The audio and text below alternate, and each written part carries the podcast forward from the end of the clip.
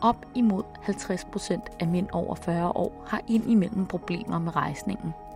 For nogle er der tale om psykologiske problemer, for andre er der tale om underliggende sygdomme eller rent fysiologiske problemer, der kan afhjælpes. Det er det, denne udgave af ugeskriftets videnskabelige podcast handler om. Jeg er taget til urologisk afdeling på Roskilde Hospital for at tale med Mikkel Fode. Vi taler sammen på god corona-afstand. Velkommen til. Jeg hedder Karen Sjæde Jacobsen. Jeg hedder Mikkel Fode, jeg er læge og Ph.D.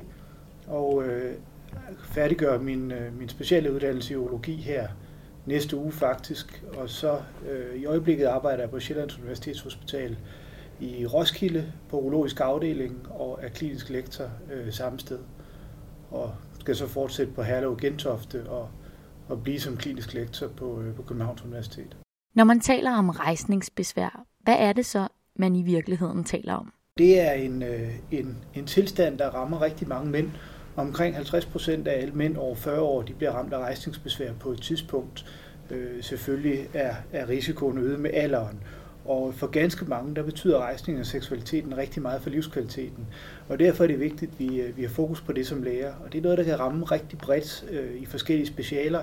Man sidder givetvis med, meget med det i, øh, i almen praksis, men også inden for forskellige specialer, hvor, øh, hvor patienten så er viderehenvist til sygehusene, øh, kan det have stor betydning. Og, og, og det er virkelig et emne, som, som vi bør have, have fokus på, og som, som rigtig mange øh, speciallæger, både i alle praksis praksiser inde på sygehusene bør have noget viden om. Men det at kunne gennemføre øh, et, et samleje eller, eller en anden form for seksuel aktivitet har stor betydning. Så når man ikke kan det, og det påvirker livskvaliteten, jamen så er der et problem, som, som man kan kigge på som, som læge, og hvor man ganske ofte kan hjælpe patienten ganske meget.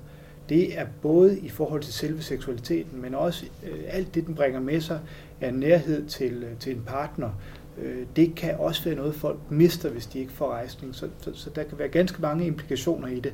Og så er der et andet aspekt, nemlig at, at en dårlig rejsning er en prædiktor for øh, anden alvorlig sygdom og at der er en sammenhæng sådan overordnet set med, med alvorlig hjertekarsygdom, der typisk opstår senere end rejsningsbesværet. Det vil sige, at både har det betydning for livskvaliteten, men øh, det her øh, kan også være et symptom på noget øh, underliggende mere alvorlig sygdom, og så kan det være en mulighed for at diagnostisere det så tidligt, at det kan forebygges. Og hvad er det, man ude hos lægerne i almen praksis skal være særlig opmærksom på? Jamen, altså helt konkret skal man selvfølgelig tale med patienten og, og, og finde ud af, hvad handler det her om, og, øh, og hvad betyder øh, problemet for livskvaliteten. Og så skal man også finde ud af, hvad er problemet øh, specifikt. Der er nogen, der bare har urealistiske øh, øh forventninger til tingene, og, øh, og, og det skal de selvfølgelig korrigeres i. Men ellers, så skal man starte med at prøve at finde ud af, er det her et organisk problem, eller er det et psykologisk problem? Og der er nogle forskellige ting, man kan spørge om, øh, som også er beskrevet i artiklen. Men altså øh, specielt øh, så vil øh, organisk rejsningsbesvær, det vil være til stede i alle situationer, mens øh, psykologisk betinget rejsningsbesvær, det kan variere og, øh, og patienten vågner også tit med, med morgenrejsning eller får natlige reaktioner ved, ved psykisk betinget rejsningsbesvær. Så man starter med at adskille de to, og så går man videre derfra. Og hvis man har mistanken om organsbetinget rejsningsbesvær, og det er oftest det, der er tale om, i hvert fald hos, hos midalderne og lidt ældre mænd, øh, jamen altså, så skal man videre med noget udredning der. Hos nogle patienter, der er der en eller anden oplagt årsag. Øh, man har en kendt neurologisk sygdom, eller øh, man er lige opereret i, i bækkenet, for eksempel for rektumcancer eller prostatacancer, og, og, og så kan man øh, i mange tilfælde godt tillade sig at gå videre, for så har man årsagen. Men hos patienter, der øh, har rejsningsbesvær, hvor man mener, det er organisk betinget, men man ikke kender årsagen, der skal man til at starte med at mistænke, at der er noget underliggende hjertekarsygdom. Altså, øh, hvis, hvis endotelet begynder at fungere dårligt, eller, eller karne klotter til med aterosklerose, så vil rejsningen blive påvirket ret tit øh, og ret tidligt, øh, og, og det betyder, at, øh, at, at man kan bruge det her hos mænd, der ikke har anden kendt hjertekarsygdom. Så der skal man være øh, opmærksom på alle mulige andre risikofaktorer, altså øh, elementer af det metaboliske syndrom, abdominal fedme, er der, er der noget livsstil, der skal lægges om, hvor fysisk aktiv er patienten, ryger patienten, øh, er der et kolesterolproblem, er der et blodtryksproblem. Så alle de ting, dem kan man kigge på, og så begynde at prøve at behandle. Og, øh, og der kan man hjælpe patienten ganske meget. I forhold til øh, selve behandlingen af rejsningsbesvær, så kan man køre det ved siden af. Og, øh, og der kan man sige, der findes nogle forskellige linjer i det. Hvis man starter med øh, livsstilsændringer, så gør man selvfølgelig noget godt for patienten helt generelt. Og man kan sige, at det, der er godt for hjertet, er også godt for rejsningen. Så det ved vi alle sammen, hvad er. Og hvis man kan få patienten til virkelig at, lægge sin livsstil om at tabe sig, jamen så kan man øh, bedre rejsningen en lille smule. Øh, hos mange vil det ikke være klinisk signifikant, men, men, men man kan nok gøre lidt. Derefter, eller samtidig, så går man videre med noget andet medicinsk behandling af rejsningsbesvær. Og der kom jo de her tabletter Viagra, PD5-hæmmerne øh, tilbage i slutningen af 90'erne, som revolutionerede området. Og det er stadigvæk en, en rigtig, rigtig god behandling, der vil hjælpe op mod 70 procent af, af patienterne. Og der igen, i artiklen har vi beskrevet, hvordan man behandler, og, øh, og der er også nogle sådan tips og, og håndgreb i forhold til, hvordan man optimerer den her behandling. Og så øh, synes jeg i virkeligheden, at, at man i høj grad er ved enden af, hvad man øh, behøver at gøre i almen praksis. Men de her ting mener jeg godt, man kan. Så hvor langt er patienterne i et forløb, når Mikkel Fode ser dem i klinikken? Helt typisk så ser jeg nogle patienter, som, øh, som har været i almen praksis, øh, og som øh, har fået konstateret rejsningsbesvær, og så har de ganske ofte prøvet øh, altså sildenafil, Viagra eller en anden PD5-hæmmer, øh, som ikke har effekt. Og det jeg konkret gør, jamen altså det er, øh, selvfølgelig prøver jeg at udrede patienten og prøver at se, er der noget konkret, jeg kan hænge det her op på, men behandlingsmæssigt øh, er første skridt næsten altid at prøve at optimere effekten af de her øh, PD5-hæmmere. Og, øh, og der findes nogle konkrete ting, altså sildenafil, Viagra. Hvis man tager det på tom mave, så virker det bedre. Og, øh, og, og, og Cialis tadalafil, hvis man venter to timer efter man tager det, så virker det bedre. Og, og, og den lille ændring har en effekt hos rigtig mange patienter. Igen, det er beskrevet i artiklen. Så er det også meget vigtigt, at man understreger for patienten, at for at de her tabletter skal virke, så kræver det seksuel stimulation, og det kræver lyst. Og det er der også nogen, der ikke har fået helt fat i. Og så skal man også nogle gange tale om, at rejsningen ikke nødvendigvis bliver lige så god som da de var 18, men at det handler om at få den god nok til at gennemføre tilfredsstillende seksuel aktivitet. Så det plejer at være første skridt. Hvis det så ikke virker, jamen så findes der noget anden linjebehandling, og det er øh, lokalbehandling. Det er alprostadil, altså et andet vasoaktivt stof, som man enten indfører i urinrøret, eller øh, injicerer med en lille nål i penis. Og i et tilfælde, hvor PD5-hæmmerne ikke virker, jamen der kan det altså være rigtig effektivt for rigtig mange patienter. Et alternativ til det, det er vakuumpumper. Vi bruger dem ikke så tit, og hvis der ikke er noget af det, der virker, så kan man henvise videre til det, der hedder et penisimplantat. Den der underliggende sygdom og, øh, og større dødelighed, øh, den kan man finde blandt mænd med rejsningsbesvær, hvis man sammenligner med mænd uden rejsningsbesvær. Man kan også finde det faktisk hos mænd med vandlandingsproblemer, hvis man sammenligner med mænd uden vandlandingsproblemer. Altså der er også en, en underliggende patologi, der gør, at, at det hænger sammen med hjertekarsygdom i, i et eller andet omfang. Og så er der også øh, en del studier, der tyder på, at mænd med nedsat sædkvalitet øh, og infertilitet, de generelt har en større risiko øh, øh, for underliggende sygdom. Altså generelt har en større risiko for at have et dårligere helbred og, øh, og generelt har en, en lidt højere dødelighed. Men altså, det er en risiko, der har været lidt sværere at påvise, og vi ved ikke præcis, hvordan tingene hænger sammen. Hvis, hvis der ikke er en erkendt årsag, øh, som noget af det, jeg har snakket om, så, så skal man gå ud fra en til andet bevist, at det er en indikator på noget underliggende hjertekarsygdom, et underliggende hjertekarproblem, som, som man i hvert fald bør undersøge patienten for. Og, og der mener jeg, der kan de fleste læger kan jo finde ud af at, at, at kigge, om der er, er tale om noget abdominal fedme, og, øh, og, og, og mistanke om det metaboliske syndrom. Man kan tage nogle blodprøver for at se, om der er øh, noget underliggende udiagnostiseret diabetes, om der er problemer med kolesteroltal, og, øh, og man kan tage blodtryk på patienten og høre generelt om livsstilen, altså med kost og, og motion, og specielt rygning øh, og også alkoholmisbrug, skal man drikke en hel del faktisk, før det påvirker rejsningen. Men, men, men de ting kan man, og bør man i hvert fald gøre, så man ligesom bruger det som en, en form for screeningsmulighed. Rejsningsbesvær er en stigende tendens blandt mænd over 40 år. Helt generelt så, øh, så er tallet stigende, og, øh, og det har det været i, i hvert fald i de sidste 20 år, hvor man har undersøgt det. Og, øh, og årsagen til det, jamen, altså, det er formentlig, at, at, at vi i høj grad lever mere usundt. Spørgsmålet er, om det er ved at vende nu, det, det kan man håbe, men, men det har vi i hvert fald gjort, levet tiltaget mere usundt over, over lang tid, og så er der også den, den gode side af det, at vi bliver ældre og ældre, og det betyder jo alt andet lige også, at der er øh, flere mænd med, med rejsningsbesvær. Så hvor alvorlig er den her lidelse? Jamen altså, det, det varierer jo voldsomt meget fra, øh, fra person til person. Der blev lavet et stort øh, europæisk studie om, omkring mænds helbred generelt for, for cirka 10 år siden. Og det er her, man har det her tal med, at det er cirka 50 procent af alle mænd over 40 år, der, øh, der lider af en eller anden grad af rejsningsbesvær. Øh, de gjorde også det studie, de spurgte, betyder det så noget for dig? Og øh, det var cirka halvdelen af de mænd, så så er vi jo nede på omkring 25 procent af mænd over 40 år. Det var cirka halvdelen af de mænd, der sagde, at, at, at det betyder noget for deres livskvalitet. Og, øh, og det er jo alvorligt, øh, alvorligt nok, altså, fordi det er jo ikke kun et spørgsmål om sex og seksualitet, som jeg sagde før. Øh, der er jo en hel masse andre implikationer i det her. Det betyder noget for, øh, for, for relationen til i ens øh, parforhold. Det betyder for rigtig mange noget for, øh, for nærheden til partneren, øh, og, og det kan også betyde en hel masse for selvtilliden. Så, så, så livskvalitetsmæssigt er det, er det vigtigt, og det er jo noget, der i de seneste år også er kommet mere fokus på, at vi skal øh, være opmærksomme på livskvalitet og ikke kun livslængde. Øh, så det er den ene side af det, og som sagt, altså, hvis, hvis vi bliver i stand til virkelig at bruge det her som, som en mulighed for at screene nogen, der er i risiko for senere alvorlig sygdom, øh, jamen altså så, øh, så vil det også være rigtig godt. Så, så, så man kan sige, det, det kan være tegn på, på noget, der påvirker livskvaliteten alvorligt, og det kan være et tegn på noget, der kommer til at påvirke livslængden. Så, så, så det er et vigtigt fokusområde.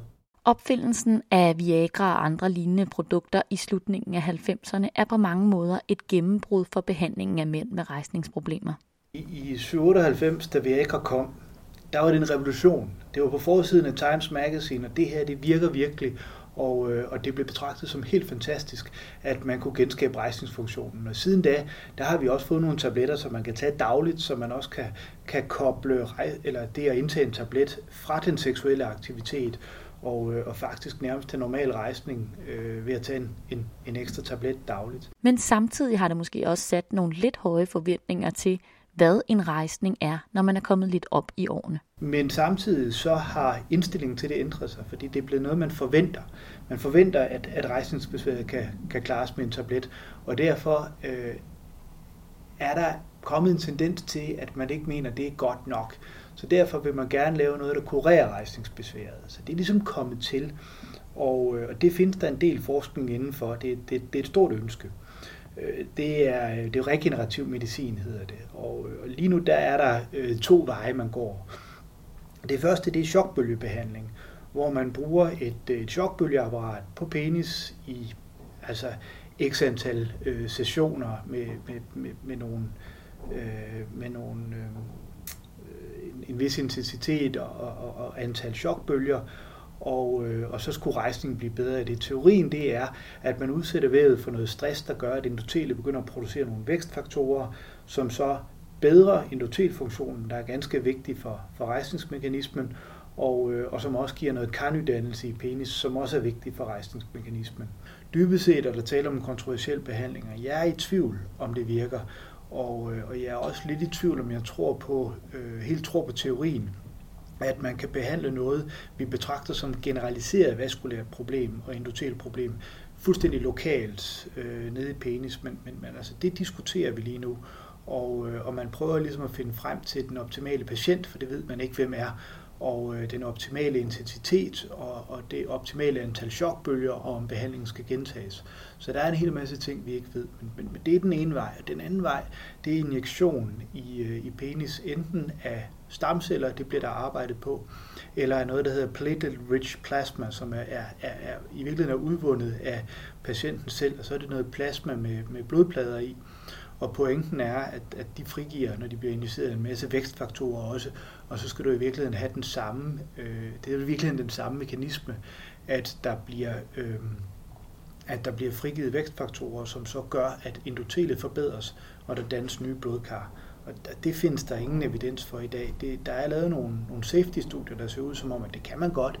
Det er ikke farligt, men, men øh, om det har effekt eller ej, det ved vi ikke endnu. Altså et, et eller andet sted er det jo bare rigtig ærgerligt, hvis man har en, øh, en god behandling, som, øh, som folk ikke er tilfredse med, fordi de vil have noget mere, men, men hvor de faktisk bringes tilbage til, øh, til en rejsning, som er tilstrækkelig til tilfredsstillende seksuel aktivitet, men er ude af stand til at nyde den, fordi de vil have noget andet, øh, som de har fået en forventning om. Øh, Øh, ikke sagt, at vi ikke skal arbejde videre med det her regenerative medicin. Det gør jeg også selv, og det synes jeg er interessant, og det vil også være fantastisk, hvis vi kunne få det til at lykkes. Øh, vil bare sige, der er vi ikke endnu, øh, og, og derfor er det ærgerligt, at, at den forventning, den, øh, den ligesom kommer ud, og det gør den i høj grad ved, at der bliver reklameret for nogle af de her behandlinger, øh, før vi helt har dokumentationen på plads. Så, så, så lige nu øh, synes jeg, at det man, man, man i meget høj grad skal forholde sig til, det er, at vi faktisk har så gode etablerede behandlinger, at vi kan reetablere den her seksuelle aktivitet hos langt de fleste.